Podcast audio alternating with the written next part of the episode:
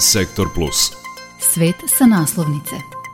Ruski opozicionar Aleksej Navalni preminuo je u petak 16. februara, potvrdila je Ruska federalna kazneno-popravna služba za Jamalo-Nenecki okrug, dodavši da se Navalni osjećao loše posle jutarnje šetnje i da je izgubio svest, nakon čega je neuspešno reanimiran. U zvaničnom saopštenju je konstatovano da je umro od sindroma iznenadne smrti. U danima koji su usledili, Zapad je optužio Moskvu za njegovo ubistvo, a Vladimir Putin je zamenika načelnika Federalne zatvorske uprave Valerija Bojarineva unapredio u čin general pukovnika. Moje ime je Boro Lazukić, a ovo je još jedan svet sa naslovnice. Svet sa naslovnice. Portparolka ruskog opozicionog političara Alekseja Navalnog, koji je proteklog petka preminuo u zatvoru Polarni Vuk u gradiću Harp, Kira Jarmiš, izjavila je da majici Alekseja Navalnog i njegovim advokatima nije dozvoljeno da uđu u mrtvačnicu i da su zvaničnici saopštili da uzrok smrti još nije utvrđen. Mrtvačnica je zatvorena uprkos uveravanjima kolonije da radi i da je tamo njegovo telo. Advokat je pozvao telefonski broj napisan na vrat vratima.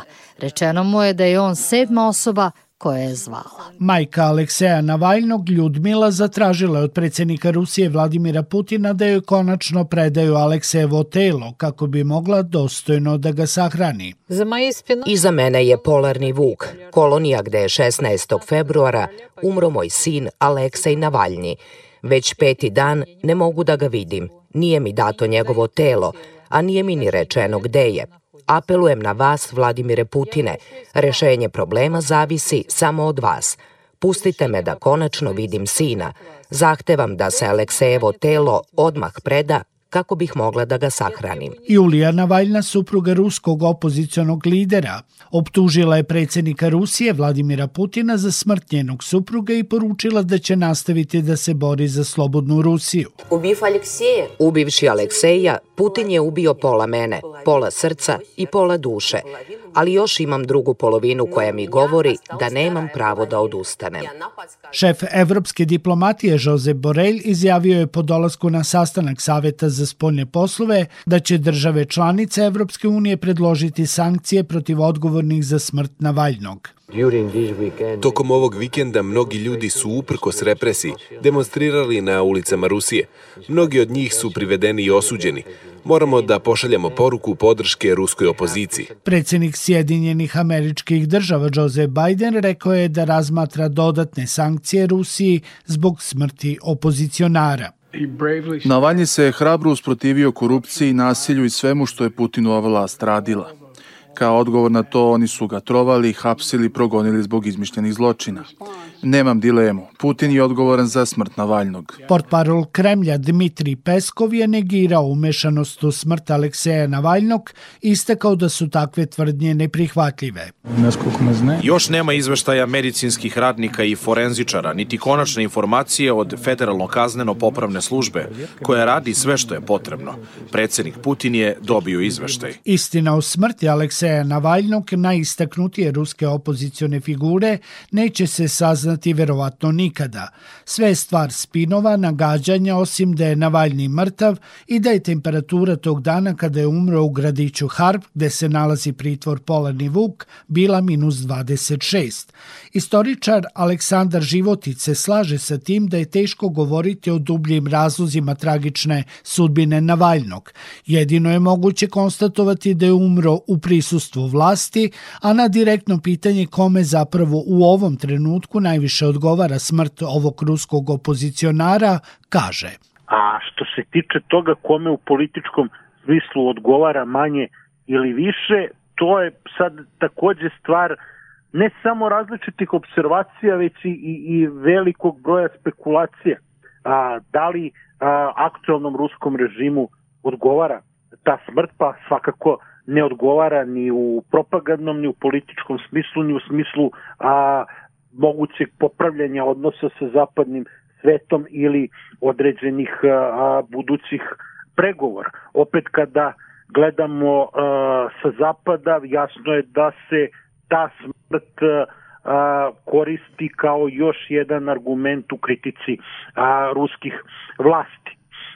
U svakom slučaju čoveka nema, a pored toga što je njemu i njegovim najbližima a, to nanelo ogromnu štetu, svakako da to šteti i samom ruskom društvu i političkom životu u toj zemlji, tim pre ako uzmemo u obzir da se uskoro predsednički izbori, da a, dva potencijalna opozicijona kandidata nisu bila u prilici da se kandiduju, njihove kandidature su iz formalnih razloga a, prosto odbijene, tako da sve to stvara jednu poprilično sumornu sliku realnosti. Politička biografija Navaljnog, osim borbe protiv Putina, učestvovanje u organizovanju brojnih protesta zbog kojih je često bio hapšen i simbola ruske opozicije, prožeta je i kontroverzama – Optuživali su ga i za koketiranje sa ekstremnim nacionalistima jer je učestvovao na ultranacionalističkim skupovima poput Ruskog marša 2006. protesta na kojem su učestvovale čak i neonacističke organizacije. Životića pitamo kako je neko ko je ozbiljno koketirao sa nacionalizmom postao miljenik Zapada. Pa vidite e, jednu stvar, da li je bio miljenik Zapada ili ne, nisam siguran a, da jeste nikada ta podrška njegovim političkim idejama nije bila jasno profilisana niti, niti definisana. A ako vidite njegov odnos sa Zapadom, pre se radilo o podršci njegovom opozicionom delovanju, pravu da iznosi svoj stav, da deluje suprotno od aktualnih vlasti, ali što se tiče konkretnih ideja ili neke konkretnije pomoći, zaista ona nije bila vidljivog karaktera. A sa druge strane, apsolutno ste u pravu, njegovi politički stavovi od početka javnog delovanja, od momenta kada je postao vidljiv a, i za domaću i za širu javnost, su bili pre svega na desnom ideološkom spektru. Ne možemo reći da se radilo o nečemu što je desničarskog karaktera u tom pogledu, ali da je bio zastupnik nekih a, desnih ili umereno desnih ideja, da se prosto nalazio na tom polu političkog spektra, to je zaista tako. Navaljni se kandidovao za gradonačelnika Moskve 2013. i osvojio 27,24 od 100 glasova, dok je Putinov kandidat Sergej Sobjanin uzeo 51,38 od 100 glasova.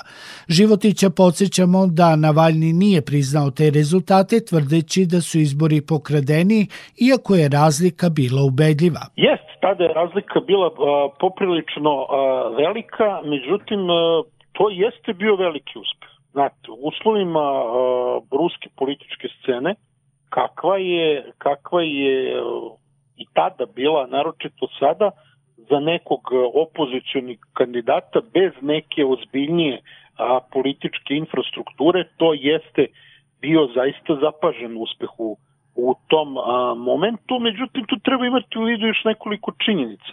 A, pre svega radilo se o izborima u Moskvi koja je tradicionalno pozicionije orijentisana u odnosu na vlast od nekih drugih sredina. Dakle, Moskva, Sankt Peterburg, Jekaterinburg, to su a, gradovi ne samo što su najveći gradovi u Rusiji, već ako gledate procentualno, to su sredine u kojima je tradicionalno podrška i predsedniku Putinu, a posebno partiji koju on personifikuje jedinstvenoj Rusiji, a, mnogo niža nego a, u drugim a, ruskim sredinama.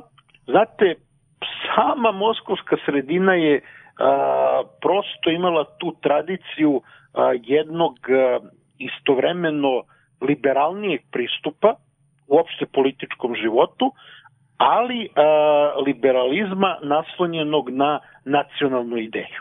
I upravo Navalny je neko ko je personifikovao te dve ideje i mnogima koji su bili protiv vlasti se on učinio kao neko ko je najbliži, a, najbliži nekom od takvih ideala. Potom je usledio pokušaj da se stvori širok opozicioni front u kojem bi bile partije Navalnog i druge dve važne opozicione figure, Boris Njemcov i Mihajl Kasjanov, ali je Njemcov ubijen neposredno pred dogovor.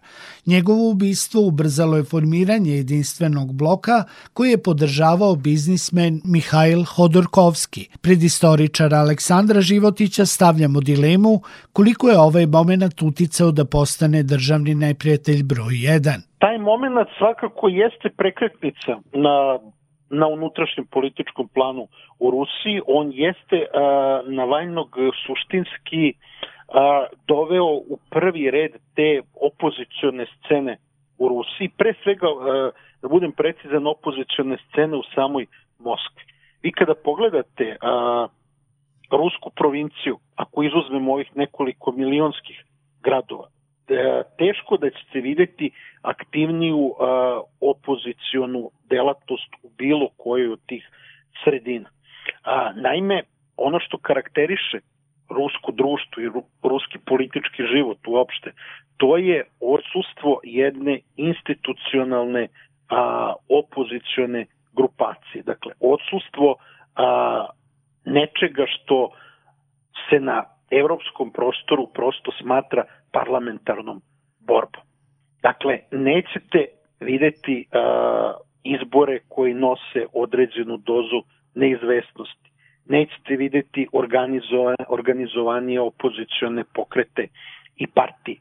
Jednostavno, a, taj pokušaj stvaranja a, parlamentarizma u Rusiji je suštinski srušen onog momenta kada su po Jelcinovom direktom naređenju izvedeni tenkovi na Moskovske ulici kada su gađali Beli dom. Od tog momenta uloga parlamenta je protokolarna i sve ostalo je kanalisano u jednom sasvim drugačijem pravcu, jer Rusija je jedna je zemlja koja se ne temelji na vlasti parlamenta i parlamentarizma, ona je zemlja gde su ustavna ovlašćenja predsednika izuzetno široka i to nije posledica vladavine Putina, dakle to je nešto što je pre svega nasleđeno. I suštinski kada pogledate ustavno ovlašćenje ruskog predsednika, vidite da ćete malo gde naći takvu političku praksu, tu se pravi jedna ogromna greška po meni. A, mnogi unutrašnje političke procese u Rusiji mere aršinima koje postoje na prostorima centralne i zapadne Evrope. To je sasvim jedna druga politička kultura, sasvim jedan drugi svet u tom smislu i jednostavno a, političke događaje i procese u Rusiji treba a, procenjivati, o njima razmišljati, izlačiti zaključke na osnovu a, a, onoga što je prosto imanentno tom prostoru, na osnovu duha ne samo epohe, već čitavog prostora. Navalni je preživeo jedan veliki udar na svoje zdravlje kada je 2020. kolabirao, posle čega je prebačen u Berlin na lečenje.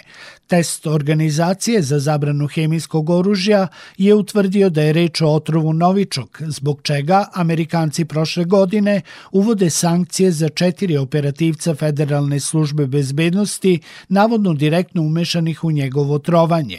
Za sam kraj, istoričar Aleksandra Životića, pitamo da li se slaže sa onima koji tvrde da je već tada osuđen na smrt kako, teško je a, reći, kad su takve stvari u pitanju imamo a, brojne a, kontroverze, imamo ogroman broj informacija čiju tačnost je veoma teško, često i nemoguće proveriti.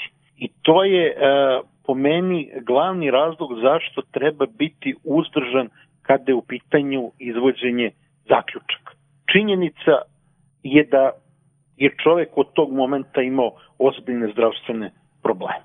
Kako je do njih došlo? Ko je u to umešan? Ko koga optužuje sa nekim a, realnim pokazateljima u ruci ili to koristi u propagandne svrhe i sa jedne i sa druge strane zaista bi bilo neozbiljno sad da zauzimati stranu i na osnovu nekih neproverenih činjenica nešto tvrditi.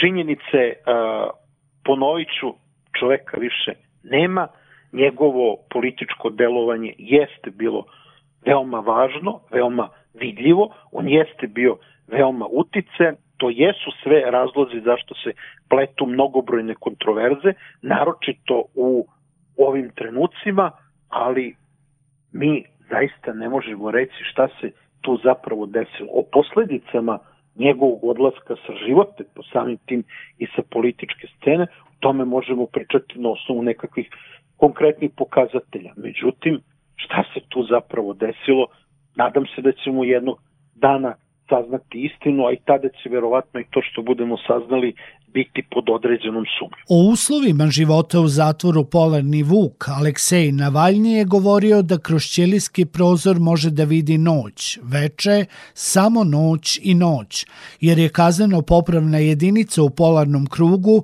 gde u zimsko doba nema dana, dodajući da ga obeshrabruje mrak na severu zemljine polulopte. Sektor Plus. Svet sa naslovnice.